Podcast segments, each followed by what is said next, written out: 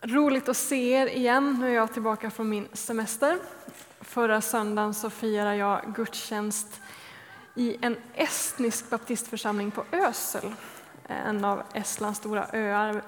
Jag, och min mamma och min bror var där på en släktträff och träffade min mammas kusiner.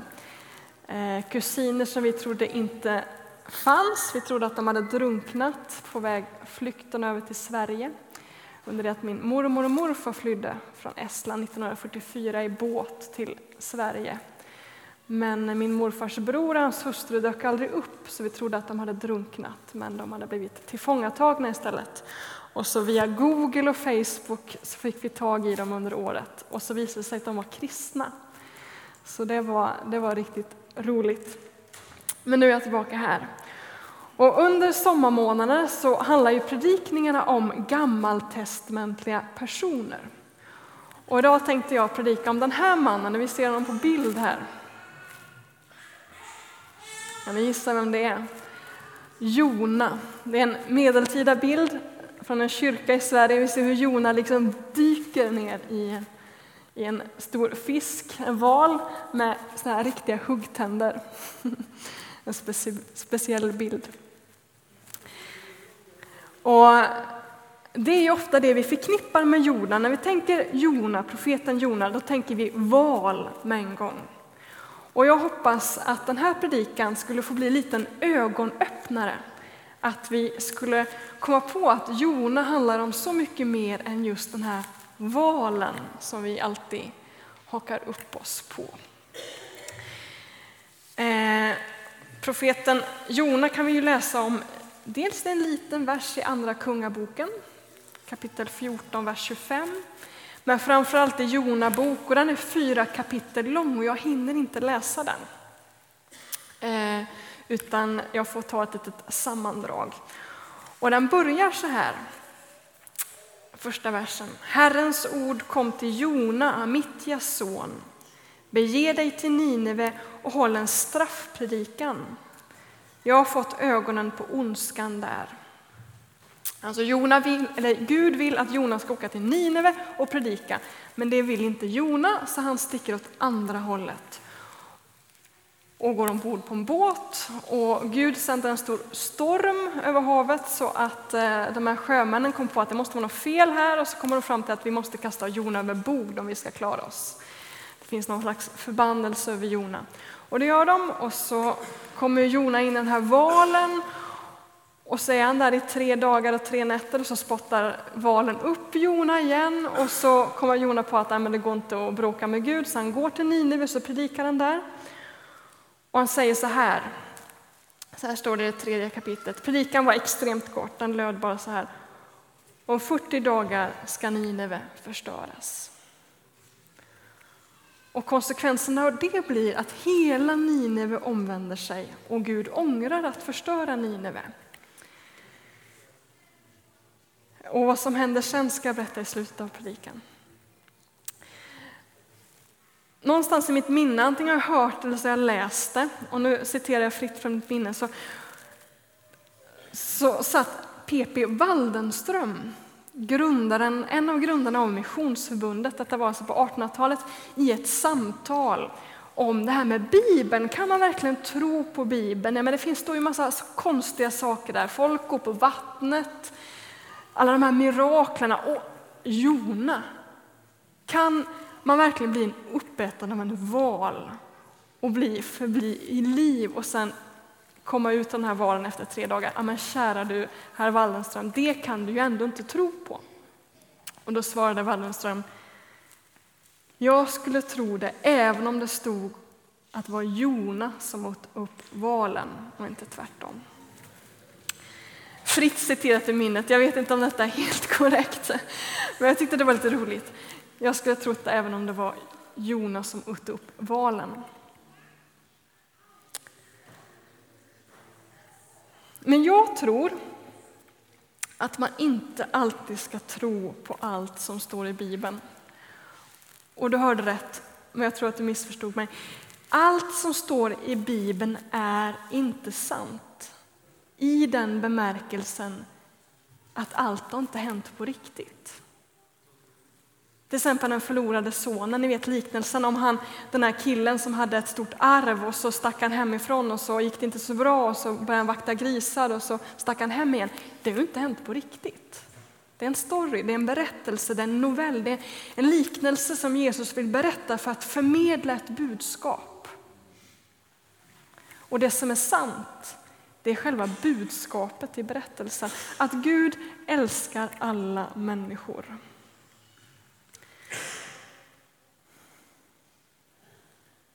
Och frågan är, som många bibelläsare har ställt sig, hur är det med Jona bok? Har det hänt på riktigt? Eller är det precis som den här berättelsen om den förlorade sonen? Alltså en story, en berättelse som någon författare har skrivit för att förmedla ett budskap, ett budskap som kommer från Gud. En undervisning som kommer från Gud, någonting som vi ska ta på allvar.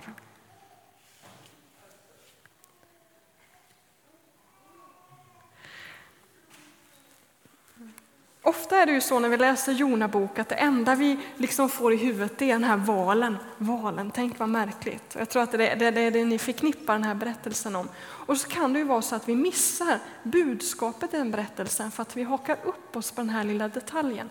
Men låt oss fundera om den här, det kanske inte har hänt på riktigt.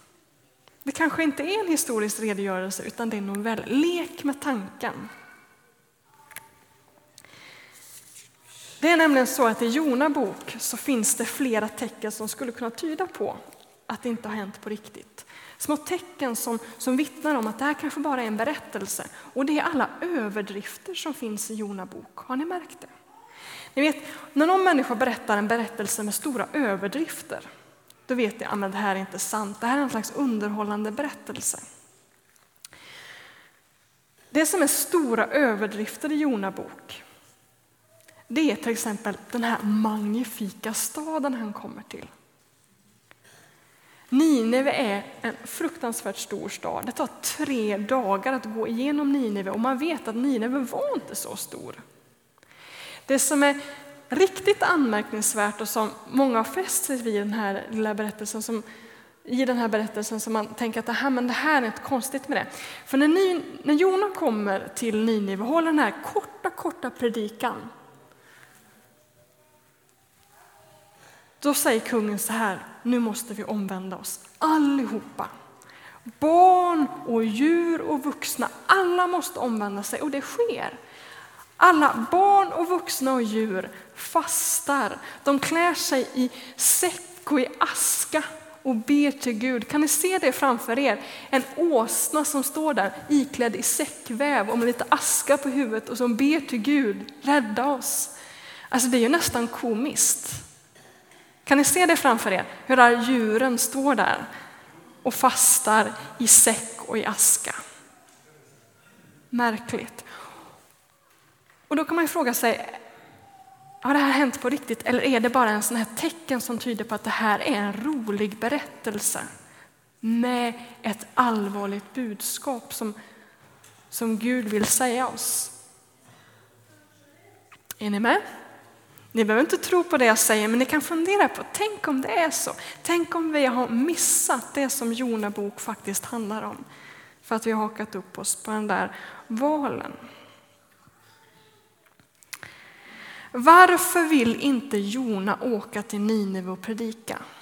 Har ni tänkt på det? Ofta brukar vi tala om Jona bok som en slags story om detta med att man måste bejaka sin kallelse och inte vara rädd utan faktiskt våga åka till det mörkaste Afrika och bli missionär eller något sånt. Men varför vill inte Jona åka till Nineve? Jo, vi får reda på det i kapitel 4. Då har alla omvänt sig Barn och vuxna och alla djuren har omvänt sig i säck och i aska. Och då står det så här kapitel 4. Då blev Jona mycket missnöjd. I vredesmod bad han till Herren. Herre, var det inte det jag trodde redan där hemma? Det var därför jag först ville fly till Tarsis förra gången. Jag visste ju, och nu kommer det, att du är en nådig och barmhärtig Gud, sen till vrede och rik på kärlek, beredd att ångra det onda du hotat med. Så ta mitt liv, Herre, det är bättre för mig att dö än att leva. Alltså vilka ord! Jona står inte ut med en Gud som är nådig och barmhärtig. Och det är för sig inte så konstigt. För Nineve, den här staden som han skulle åka till och predika, var inte vilken stad som helst, utan det var huvudstaden i det assyriska riket som var en stor fiende till Israel, som på 720-talet eh, utrotar hela Israel, ockuperar landet och deporterar judarna till olika delar i Assyrien. Inte så konstigt att Jona inte vill åka dit. De stora fienderna. För han vet att Gud kommer att skona Nineve. Jona tycker inte om de där människorna och han vill att staden ska utplånas likt Sodom och Gomorra. Och därför gör han inte heller som Abraham gjorde när han fick reda på att Sodom och Gomorra skulle utrotas. Abraham ber och vädjar för staden, men Jona minsann, han tänker, äh, men går jag dit och predikar kommer de omvända sig och så kommer Gud skona staden, det är bäst att jag åker åt andra hållet.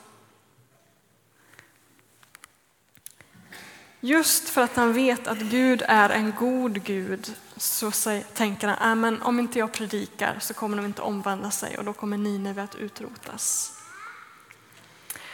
Men vet ni vad? Gud han älskar folket i Nineve.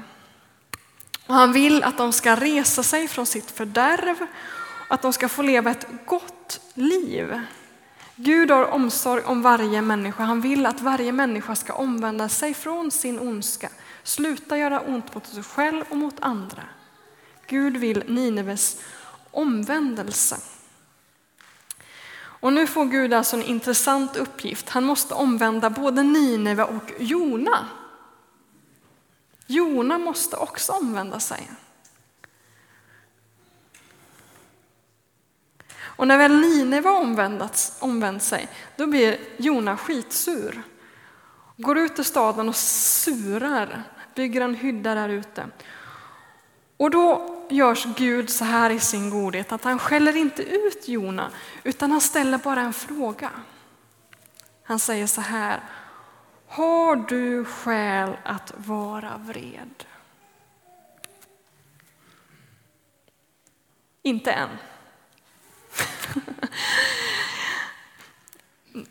Har du skäl att vara vred?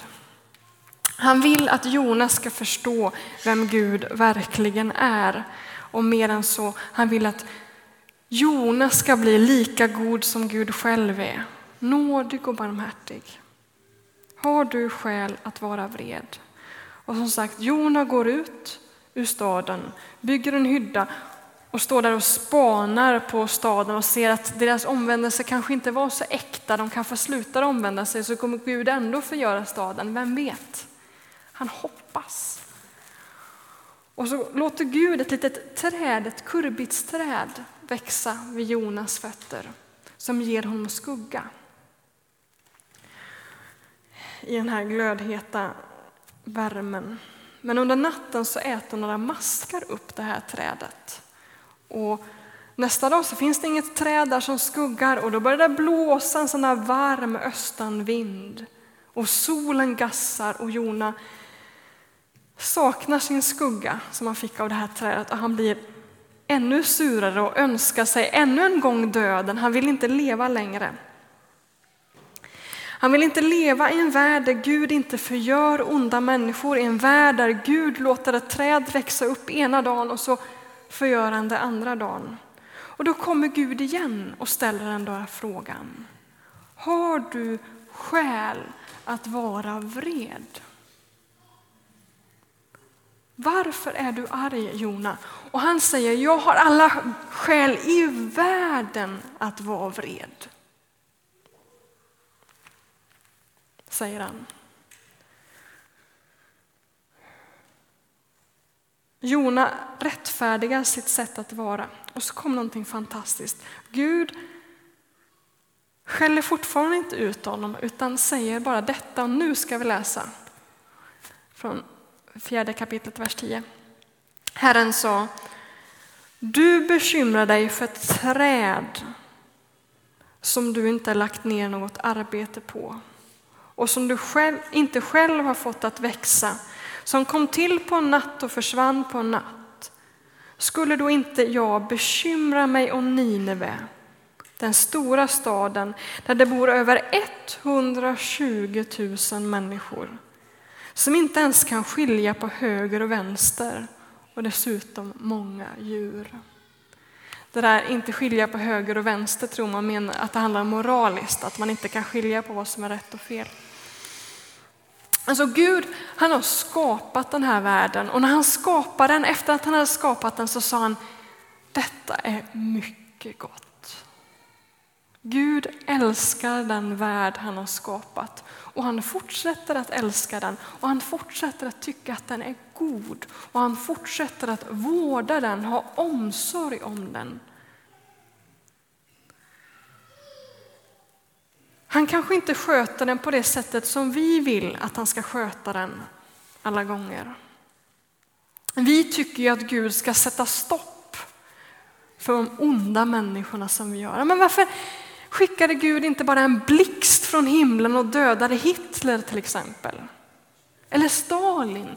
Tänk så många människor, som, människoliv som hade kunnat skonas. Varför förgör inte Gud de onda människorna? Det är många som menar att Jona bok verkar vara en slags artikel eller ett argument i en debatt kring teodicéproblemet. Vet ni vad teodicéproblemet är? Det är det här med hur kan Gud vara god och, samtidigt så finns det så mycket lidande. Man tror nämligen att Jona bok kanske inte alls är skriven på 700-talet där Jona levde. Att det inte är en historisk redogörelse för vad som hände just då, utan att den är skriven några hundra år senare, nämligen på 500-talet. Då var hela Israels land öde. Templet hade förgjorts, rivits ner, massor av människor hade dött, folket var nästan utrotat. Och så skriver någon den här novellen och leker med tanken, tänk om Gud hade skickat en liten profet som heter Jona på 1700-talet, som det står att läsa om i Andra Kungaboken. Tänk om Gud skickade honom till Nineve. Och tänk om Gud hade förgjort, förgjort, utrotat hela Nineve redan på 700-talet, då hade inte det här hänt. Då hade vi haft templet, då hade folket inte varit utrotat. Tänk om Gud kunde stoppa ondskan i förtid. Det vill säga utrota Hitler redan när han var tio år. Alltså tänk om det är en sån, sån berättelse som leker med tanken. Då blir den oerhört provocerande, den berättelsen. Då blir det inte längre en söndagsskoleberättelse utan en allvarlig berättelse om hur Gud står där och väntar på att människan ska omvända sig. En Gud som älskar att ge liv och som inte vill straffa. Som står där och väntar. Du kanske, kanske, kanske kommer att omvända dig. Tänk om det är en sån berättelse.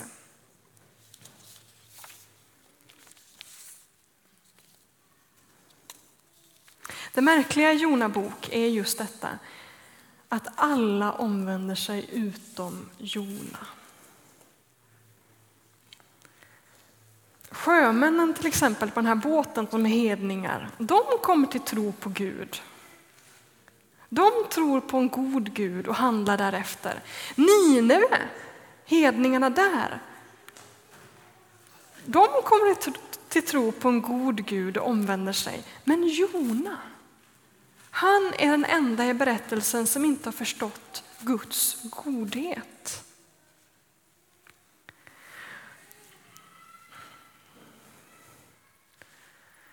I Johannes evangeliets tredje kapitel i 17 versen så står det Ty Gud sände inte sin son till världen för att döma världen utan för att världen skulle räddas genom honom. Alltså Gud sände inte sin son för att döma världen utan för att rädda världen. Och så står det i första Timoteusbrevet kapitel 2, vers 4 att Gud vill att alla människor ska komma till insikt om sanningen. Vilken sanning? Jo, att Gud är god och vill alla människors omvändelse och som vill förlåta. Det är därför Jesus dröjer med att komma tillbaka. Står det också i skriften. Han vill alla människors omvändelse. Och ibland verkar det som att de som allra minst tror på Guds godhet är Guds folket själva.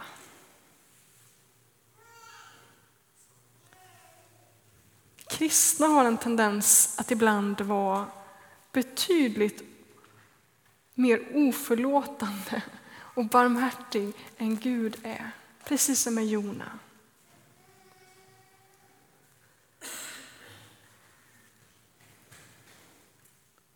Jona vill att Gud är god mot alla. Mot, mot, Jona vill att Gud bara ska vara god mot Israel och inte mot de andra folken. Det är vad som står i Jona bok. Och ibland kanske kyrkan har en sån tendens också. Vi tänker att Gud bara ska vara god mot oss och inte mot resten av världen. Det som får mig att ibland tvivla på att Gud faktiskt existerar, det är när jag ser kristna som inte, som inte låter sina hjärtan förvandlas av Guds godhet, som lever ett liv i obarmhärtighet, i förakt mot andra människor.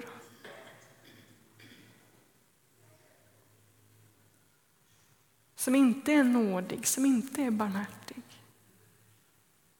Och jag kan tvivla när jag ser mitt eget hjärta, hur egoistisk jag kan vara ibland. Och hur jag kan förakta andra människor, döma andra människor i förtid och inte tänka att oh, men, de kanske omvänder sig. Att jag inte gör allt för att hjälpa min medmänniska att omvända sig. Allt för ofta är det ju så. Att vi som kristna, om du är en kristen, inte låter dig drabbas av Guds godhet och låter dig förvandlas av honom. Och lever ett liv i längtan efter att andra människor också ska omvända sig från sina synder. Det tror jag Jona bok handlar om. I Jona bok så omvänder sig alla utom den som tillhör Guds folk. I Jona bok så blir alla förvissade om Guds godhet utom Jona själv. Ja, vi vet inte om han omvänder sig, för så här som det var i sista bibelordet där. Precis, så slutar Jona bok. Det slutar bara med att Gud säger, men fattar du inte att jag bryr mig om människorna i Nineve som jag skapat och som jag älskar? Alltså Jona bok har ett slags öppet slut.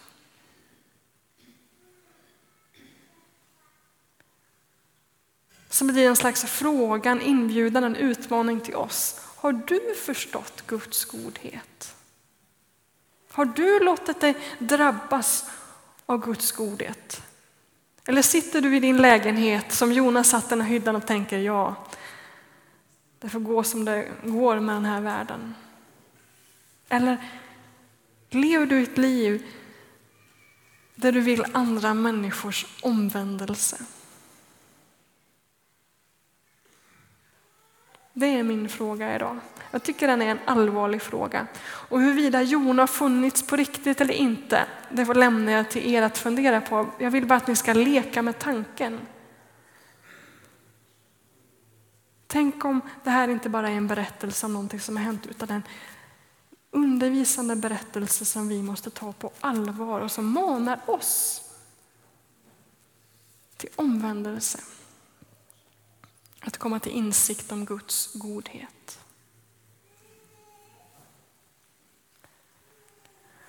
Låt oss be en bön och så får du komma och prata med mig efteråt om du blir upprörd över någonting i predikan eller vill diskutera vidare. Läs gärna Jona bok och fundera vidare kring vad den boken faktiskt handlar om. Den har bara fyra kapitel. Låt oss be en bön. Fader i himlen, vi tackar dig för att du är barmhärtig och nådig. Att du vill alla människors omvändelse. Du vill även att vi ska komma till insikt, vi som sitter här i Ryttargårdskyrkan, vare sig vi är en kristen eller inte, så vill du att vi ska komma till insikt om att du är en god Gud, snar att förlåta. Du vill ingenting annat än vår omvändelse. Och hjälp oss att tänka gott om oss själva men också om andra människor. Hjälp oss att vara barmhärtig mot oss själva och mot andra. Och låt det här få bli en miljö där människor kommer till insikt om din godhet, omvänder sig och börjar leva ett liv i din efterföljd. Herre, fräls oss från förakt för andra människor. Fräls oss från vår obarmhärtighet. Drabba oss med din kärlek och låt oss få bli lika dig. I Jesu Kristi namn. Amen.